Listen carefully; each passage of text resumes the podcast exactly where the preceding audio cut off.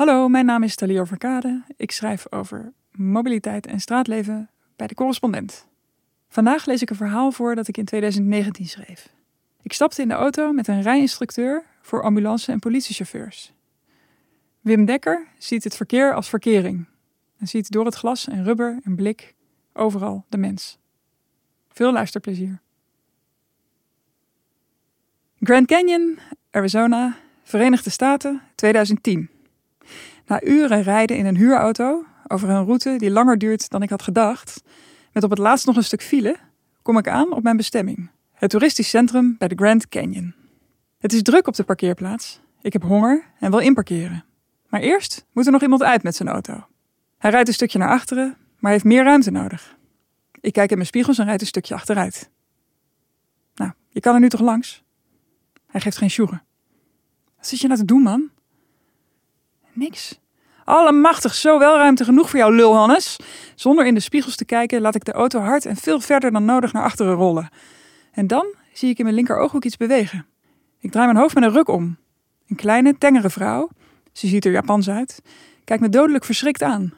Ze is opzij gesprongen om niet door mij aangereden te worden. Mijn Ford weegt zeker twintig keer zoveel als zij. Woedend draai ik mijn hoofd weer naar voren. Meneer de lulhannes is weg, ik parkeer in, stap uit en krijg er geen sorry uit tegen de vrouw die ik bijna had aangereden. Zo opgefokt ben ik. Wat drijft ons ertoe om dit soort gedrag te vertonen op het moment dat we op ons gevaarlijkst zijn, een instrument besturen waarmee we kunnen doden? Stand-up comedian Louis C.K. begrijpt er ook niks van. Dat hij zo kan veranderen als je hem in een auto zet. Een stukje uit zijn cabarettekst. Op een keer was ik aan het rijden en een vent in een pick-up truck begon. Nou, ik weet niet eens meer wat hij precies deed. Maar ik schreeuwde uit het raam: Hey, fuck you! Waar, behalve in de auto, zeg je zoiets? Stel, je staat in de lift, vlak naast iemand, en diegene leunt per ongeluk een beetje tegen je aan. Zou je hem of haar dan recht aankijken en zeggen: Hey, fuck you! Waardeloze hoop stront? Nee.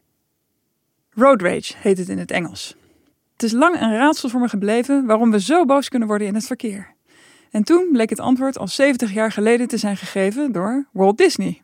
In het tekenfilmpje Motor Maniac verandert de wandelende, beleefde, vriendelijke Goofy, een soort Dr. Jekyll die nog niet op een mier zou stappen, in een monsterlijke Mr. Hyde. Elke keer als hij in zijn auto plaatsneemt. Kijk waar je loopt, sukkel, schreeuwt hij uit zijn auto tegen een voetganger. Zijn vriendelijke evenbeeld die lopend de krant leest. En hij veroorzaakt daarna in zijn auto een botsing met een tweede lookalike, die in zijn auto eveneens aan het schreeuwen is. De voice-over van Disney komt met deze verklaring voor dat ongecontroleerde ontploffen. Je wordt te machtig in een auto. Je gaat denken: ik heb wegenbelasting betaald, ik bezit de wegen en ik zal ze gebruiken ook. Een stoplicht? 30 seconden van mijn leven. In het boek Traffic van schrijver Tom Vanderbilt geeft socioloog Jack Katz een andere verklaring. Hij legt uit wat het met mensen doet als ze alleen maar zitten te kijken naar achterkanten van anderen. Dat is een handeling die in veel culturen geassocieerd wordt met gehoorzaamheid en die er ook toe leidt dat de communicatie in één richting verloopt. Je kijkt naar al die bestuurders die jou niet kunnen zien. Het is zoiets als proberen te praten met iemand die voor je loopt in plaats van iemand die je aankijkt. En dat is niet hoe mensen gebouwd zijn. Zo kunnen ze niet hun volledige communicatievermogen benutten. En die stomheid maakt ons woest, zegt Katz. En dan zit je ook nog in een machine die elke nuance uit je communicatie haalt en alles uitvergroot. Een stem wordt een toeter. Ogenknipper wordt lichtgeknipper. Een beweging van een paar centimeter van een voet betekent vele meters vooruit op de weg. Op de fiets kan ik ook heel kwaad worden als het niet gaat, zoals het hoort. Dat levert niet zulke gevaarlijke situaties op als in de auto. Soms wel heftige schelpartijen. Ik heb er ook wel eens een fuck you uitgegooid. Ook te voet een keer, toen een scooteraar me bijna aanreed op een stoep die hij aanzag voor een weg. Ik vond hem asociaal en gevaarlijk en hij vond mij asociaal, want hij had toch voorrang? En wat te bedenken van public transport rage, ongecontroleerde woede in het openbaar vervoer. Toen buschauffeurs, alweer een jaar of tien geleden, werd gevraagd wat volgens hen de kiem was van de agressie van passagiers, zeiden ze vertraging. Zie de nadruk waarmee conducteurs nu omroepen dat deze trein geheel volgens dienstregeling is vertrokken en hoe ze zich uitgebreid verontschuldigen als dat niet zo is. En daarom vind ik deze brede verklaring voor woede onderweg ook aantrekkelijk. Een uitgestrekte weg, een rood geasfalteerd doorgaand fietspad of een treinspoor tot aan de horizon nodigen uit tot doorrijden. Dat schrijft socioloog Richard Sennett in zijn boek Stadsleven. In de kronkelstraten van oude steden werd een opstopping geaccepteerd als iets wat erbij hoorde. Maar toen er eenmaal grote wegen kwamen, tussen steden, maar ook daarbinnen, werden opstoppingen gezien als een teken dat er iets fout ging. De stad werd nu gezien als een lichaam, met aders waar alles vrijelijk doorheen moest kunnen stromen. En als dat niet gebeurde, was er iets mis. Verkeersinfarct. Volgens Sennett is het verlangen om door te kunnen rijden en niet gehinderd te worden een ervaring die we als natuurlijk beschouwen, maar in feite is het dus juist iets aangeleerds. Daar probeer ik nu aan te denken als iemand met zijn auto via het fietspad uitparkeert, of als de fietser voor me bij het stoplicht niet ziet dat het groen is geworden. Wat te doen aan road rage in de auto, waar ongecontroleerde woede zo levensgevaarlijk voor anderen is? Die vraag bleef lang liggen. Maar begin 2019, ik was inmiddels als journalist gaan schrijven over verkeersongevallen, vond ik een lange mail in mijn inbox. Hieronder heb ik hem iets ingekort, maar veel kon er niet uit. Want wat Ivan Niest schreef, voelde als het begin van een antwoord. Beste Thalia, sinds je eerste artikelen over je onderzoek naar verkeer wil ik al iets laten horen. Ik heb tussen mijn 18e en 26e alle rijbewijzen B tot en met E gehaald. Auto, vrachtwagen, bus en alles ook met aanhanger. Toen ik begin 30 was, kreeg ik de kans om een rijopleiding als ambulancechauffeur te doen, als vrijwilliger bij het Rode Kruis. Ik dacht op dat moment dat ik een behoorlijk goede chauffeur was en dat ik niet zoveel meer kon bijleren over verkeer. Dat bleek een vergissing. In de eerste rijles stelde mijn instructeur me de vraag of ik wist wat het woord verkeer betekende. Of meer precies, waar het woord verkeer vandaan kwam. Zijn antwoord was dat het in essentie hetzelfde woord is als verkering. Dat heeft me toen enorm aan het denken gezet. Want verkeren betekent eigenlijk gewoon zoiets als omgaan. Maar in verkering heeft dit wel een heel liefdevolle betekenis. Dat was ook de boodschap van mijn rijinstructeur, schrijft Niest. Als chauffeur van een voorrangsvoertuig met sirene en zwaailichten aan heb je een enorme verantwoordelijkheid voor alle verkeersdeelnemers om je heen. Links, rechts, voor en zelfs achter je. Mensen schrikken of zien je heel lang niet en kunnen daardoor heel rare en gevaarlijke dingen gaan doen. Het is aan de chauffeur van die ambulance om voor iedereen te zorgen, voor iedereen verantwoordelijkheid te nemen. Alsof je verkering met ze hebt. Zo liefdevol en zorgzaam en zo ook altijd allemaal in je gedachten te houden. Zoals dat ook is met een innige geliefde. Die les is me altijd bijgebleven en heeft me tot een betere, nog meer bewuste chauffeur gemaakt. Ik vraag me wel eens af hoe het zou zijn als meer mensen deze les op een of andere manier zouden leren. Dat deelnemen aan het verkeer een beetje is alsof je met al die andere mensen om je heen verkering hebt. Want volgens mij ontstaan de meeste ongelukken door belachelijk rijgedrag dat bijna niemand zou vertonen in het besef dat al die mensen om hen heen en in hun eigen auto als geliefden zijn. Getekend Ivan Niest. Zijn mailtje kon op geen beter moment binnenkomen. Ik was berichten over verkeersongevallen aan het verzamelen en één daarvan kreeg ik niet meer uit mijn hoofd. Het was een road rage geval, het ongeval van Jan de Vos uit Wemeldingen. Jan zat met zijn vrouw en dochter in de auto toen hij op een Zeeuwse dijk werd ingehaald door een bumperklever, die daarna vol op zijn rem ging staan. Dat maakte Jan helemaal gek. Hij op het gas achter die klootzak aan. Het was een waas, zei Jan er achteraf over. Met de rechterwielen van zijn auto belandde hij in de berm en reed pal op de zijkant van een houten vangrail. Op de beelden van Hart van Nederland zie je de balken dwars door het dashboard heen komen, de auto gespiest als een stuk saté. Wat een geluk. Zijn vrouw had alleen een gebroken knie en gebroken ribben. Van zijn dochter was alleen een bovenarm gebroken. Was dit enkel de overtreffende trap van mijn eigen road rage ervaring in Arizona? De burgemeester van Wemeldingen begreep Jan wel hij nam contact op en beloofde dat er iets aan die gevaarlijke vangrail zou worden gedaan. Alles inrichten zodat je in de auto veilig tot ontploffing kan komen, als een waanzinnige in een ziekenhuiskamer vol kussens. In Zuid-Korea doen ze dat ook. Daar ontwikkelden ze vangrails met wieltjes die meerollen als je er tegenaan komt, zoals van die rolletjes van kofferbanden doen. En ook in Nederland is de vangrail op zijn retour. Tegenwoordig plaatsen we liever een geleiderrail. Dus zo zat ik de ongevallenberichten door te nemen en toen kwam dat mailtje binnen over een rijinstructeur die het verkeer zag als verkering. Niet jezelf of een ander kapot rijden, maar ontbranden voor iemand en hem of haar dan beschermen. Zou je nog steeds lesgeven? Ivan Niest stuurde een naam en een telefoonnummer. Ik belde. Wim Dekker nam op en bleek nog altijd rijles te geven. Al 25 jaar leidt hij politieagenten op, maar ook ambulance, bus en vrachtwagenchauffeurs. Ik vroeg of ik ook een les bij hem mocht volgen en of hij wilde uitleggen hoe je dat doet. Rijden alsof het verkeer je verkering is. Ook als je met zwaailichten en sirene door de stad moet scheuren. Woerden, een rustige nazomerdag. Ik spreek met Wim Dekker af bij het NS-station. Ik heb 13 jaar mijn rijbewijs en heb sinds het afleggen van het examen nooit meer rijles gehad. Een tijd lang reed ik heel veel, de laatste tijd minder. Ik beschouw mezelf als een redelijk goede chauffeur die sinds die ene keer bij de Grand Canyon niet meer is ontploft. Dekker haalt me op in zijn blauwgrijze Ford Mondeo.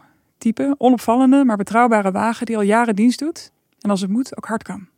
Zo ziet de rijinstructeur er zelf ook uit. Onopvallend, stevig, betrouwbaar, ervaren.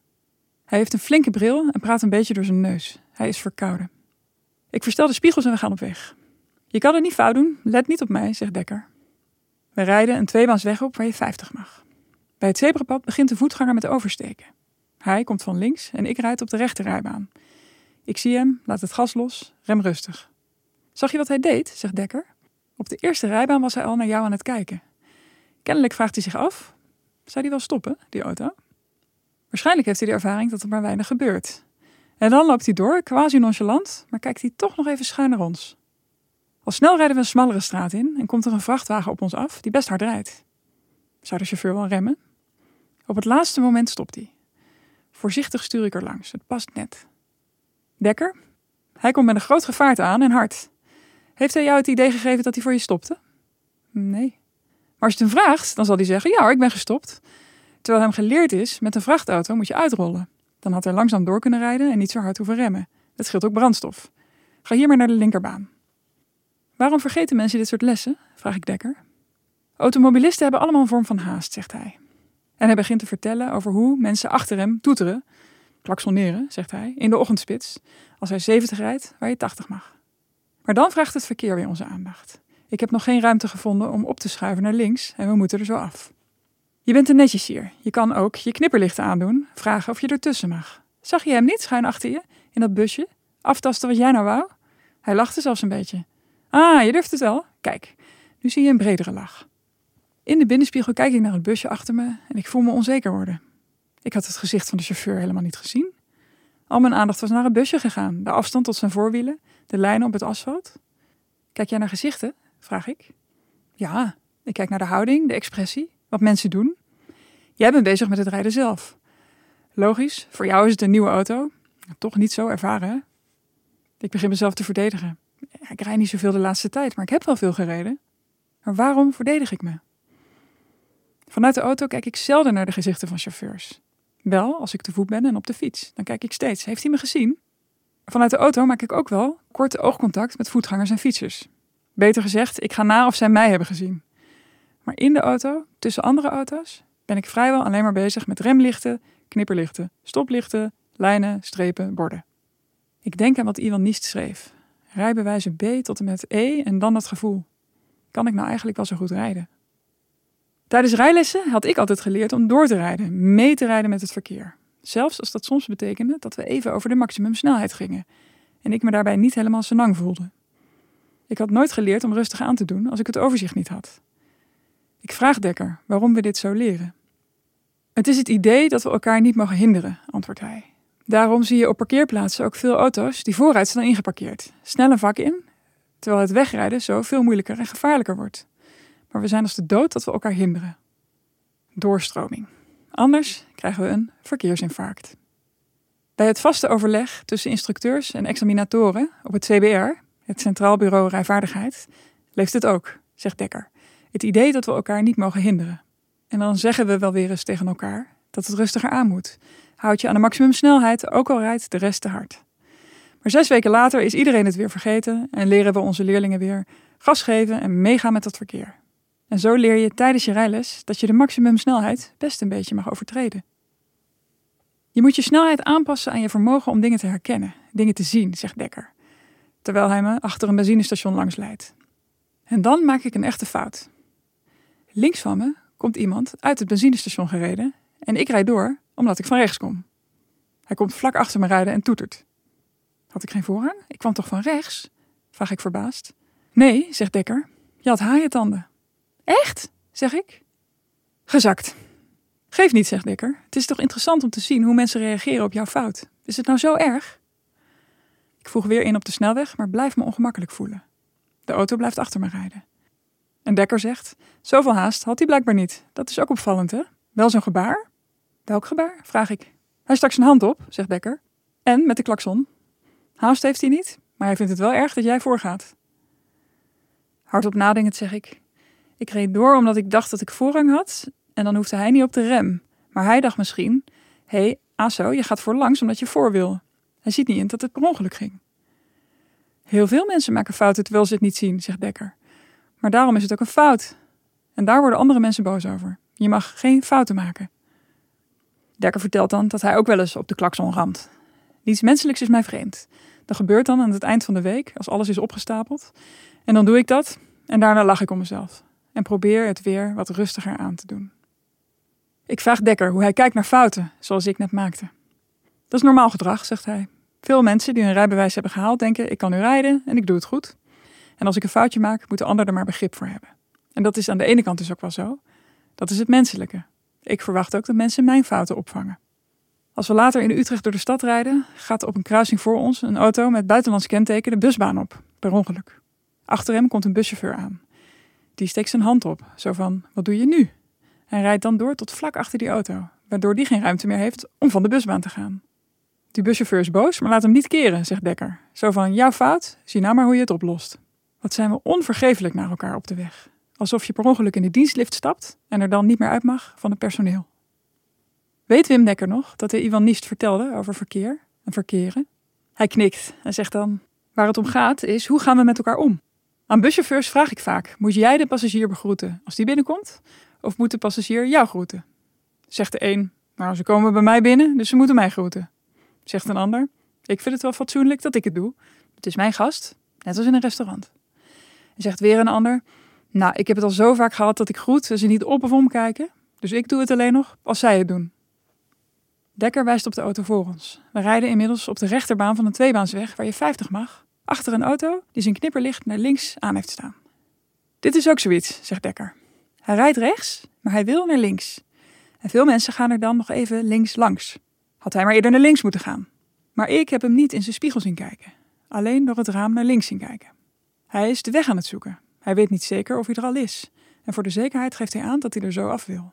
Weer had ik de chauffeur niet gezien, alleen de auto. Wat hij doet vind je dus begrijpelijk, vraag ik. Dit is een mens die de weg aan het zoeken is en toevallig zit hij in een auto. Dat vind ik zeker begrijpelijk, zegt Dekker. Het is zaak dat het overige verkeer herkent dat hij de weg aan het zoeken is. En dat moeten ze op zichzelf projecteren. Wat zou jij nou willen als jij de weg aan het zoeken was? En geef je die mensen dan ook de gelegenheid? Nee, zo blijkt later, als ik in een woonstraat dicht op een auto rijd, waarvan de chauffeur ziet Dekker ook de weg aan het zoeken is. Waarom geef je hem nou niet net wat meer ruimte, zegt Dekker. Omdat ik de chauffeur niet zag, maar de auto. En dus niet zag dat hij de weg aan het zoeken was. Ik sloot aan. En niet eens omdat ik er door wilde, maar omdat ik het zo heb geleerd. Doorstroming, aansluiten. Als je een gat laat vallen, gaat het verkeerslicht aan het einde van de straat misschien wel op een rood, zei mijn rijinstructrice altijd. Voor mij blijft het moeilijk te vatten dat Dekker zoveel kan zien, dwars door al dat spiegelende en vaak zonwerende glas. Alle blik eromheen, de hoofdsteunen van de achterbank in de auto voor je. Die doe ik zelf altijd helemaal naar beneden, zegt Dekker. Zo word je iets minder auto en iets meer mens. Waarom kan hij dit wel en ik niet? Leeftijd, jarenlange ervaring, zegt Dekker. Ik zit te scannen, te scannen, te scannen. Hij tikt op zijn bril. Bij de opticien zorg ik dat ik de allerbeste glazen heb. Ik neem me voor alleen nog maar naar de mensen te kijken. Maar het lukt me niet van het ene op het andere moment. Een brandweerwagen rijdt ons tegemoet. Als die voorbij is, vraagt Dekker: Hoeveel mensen zaten er in die brandweerauto? Twee, zeg ik. Wat hadden ze voor kleren aan? Geen idee. Dekker. Ze waren niet in uniform, dus zijn ze die wagen gewoon van A naar B aan het brengen. Ze hebben geen dienst. Dus jij hebt eigenlijk voortdurend contact met mensen als je in de auto zit, zeg ik. Terwijl ik dat hier helemaal niet kan voelen. Verkeersongevallenberichten dragen vaak een titel als busje ramt auto. De nieuwsberichten gaan voornamelijk over problemen van auto's, zoals blikschade en verkeershinder. Ongeval veroorzaakt file. Ze gaan nauwelijks over de echte problemen van verkeersongevallen. De problemen van mensen, zoals een dwarslesie, of doodbloeden, of een levenslang trauma. Is dit wat er gebeurt doordat we geen mensen maar auto's zien? Dat we beginnen te vergeten dat er mensen in zitten? Dekker heeft er in elk geval geen last van. Het is alsof de auto's doorzichtig voor hem zijn. Als voor ons een auto het kruispunt nadert, zegt hij: Kijk, zij heeft goed opgelet. Ik zag haar paardenstaart van rechts naar links naar rechts gaan. We komen aan in Utrecht en passeren het 24 Oktoberplein, waar kort daarvoor Gugman T. in de tram vier mensen heeft doodgeschoten. Reken maar dat daar heel veel politiemensen naartoe gingen die helemaal opgefokt waren. En ze hebben die sirene vlak boven zich? Tatu, tatu, tatu, tatu. Als je met de zwaailichten en sirene aan door de stad heen moet, dan heb je dus echt haast. Hoe raak je dan niet opgefokt, vraag ik me af. En als zij het kunnen, dan moet iedereen het kunnen, toch? Dekker zegt, op het moment dat ze hier aankomen, hebben ze misschien wel een paar bijna aanrijdingen gehad. Want ze moeten hier zo snel mogelijk zijn, zegt Dekker. En dan is het heel goed mogelijk dat ze in een schietpartij belanden. En dan verwacht jij dat ze zo'n dader uitschakelen. Dat kan alleen als ze hun emoties onder controle hebben. Dus dat betekent ook rustig aankomen. Ervoor zorgen dat ze dingen kunnen overdenken. Wij zeggen daarom altijd: rustig aan, ik heb haast. Hij wil het wel even voordoen. Dus we stoppen en ruilen van stoel. We rijden op een 70 weg en er zit niemand voor ons. Dekker trapt het gas in en rijdt hard. Het voelt alsof we een heel eind boven die 70 zitten. Op het laatste moment remt hij voor een rood stoplicht. Dit voelde niet goed, zeg ik. Oké, zegt hij, nu doen we het nog eens. Het wordt groen en opnieuw trapt Dekker het gas hard in. Ik voel hoe we versnellen, maar dan laat hij het gas los. En met een enorme, kalme vaart zweven we richting het volgende verkeerslicht. Hij remt geleidelijk en ik word niet naar voren gegooid, zoals daarnet. Hebben we nu tijd verloren? vraagt Dekker. Nee hè? En voelde je het verschil? De eerste keer vond ik het echt heel gevaarlijk, antwoord ik. Maar nu gingen we hard, maar gecontroleerd hard. Dat komt doordat we vertragen in plaats van versnellen, zegt Dekker. Wat een verschil maakt dat? En Dekker legt uit wat hij nu zou doen als hij in een politiewagen reed met sirene en zwaailichten aan. De mensen die bij het verkeerslicht staan waar ik langs rijd, hebben me gezien omdat ik begon te vertragen. Ze blijven stilstaan. Hij wijst naar de baan voor rechtsaf, waar niemand staat. Hier rechts is het vrij en ik kan er rustig voor langs. Mijn winst is hier om voor de auto's bij het verkeerslicht uit te rijden. En de veiligheid is dat ik de snelheid eruit heb gehaald. Het beest onder controle en dan laten doen waar het goed in is: hard rijden. Naar iemand toe die heel hard hulp nodig heeft. Zo tem je een auto. We wisselen weer voor het laatste stukje en Dekker leidt me naar Utrecht Centraal. Daar parkeer ik zijn auto in de bocht van een bouwplaats achter een andere geparkeerde auto. Het is krap, dus ik zet de auto nogal ver uit de kant. En terwijl ik Dekker bedank voor de les, komt er een bestelbusje aan dat er langs moet. Dus ik draai de sleutel weer om en manoeuvreer de auto moeizaam om ruimte te maken. Het busje passeert. Zie je die jongen voor je in die geparkeerde auto? Niet gezien. Die had ook een stukje naar voren kunnen gaan, zegt Dekker, zodat jij er makkelijker tussen kon. Maar hij zit in zijn spiegel te kijken en denkt: nou, het zal wel gaan. Ik stap uit, loop langs de auto en kijk naar binnen. Hij is van mijn leeftijd, luistert naar muziek op zijn koptelefoon en ziet me niet langslopen. Bedankt voor het luisteren. Dit was een verhaal van de correspondent. Ben je nog geen lid en wil je onze journalistiek steunen? Ga dan naar www.decorrespondent.nl/slash wordlid.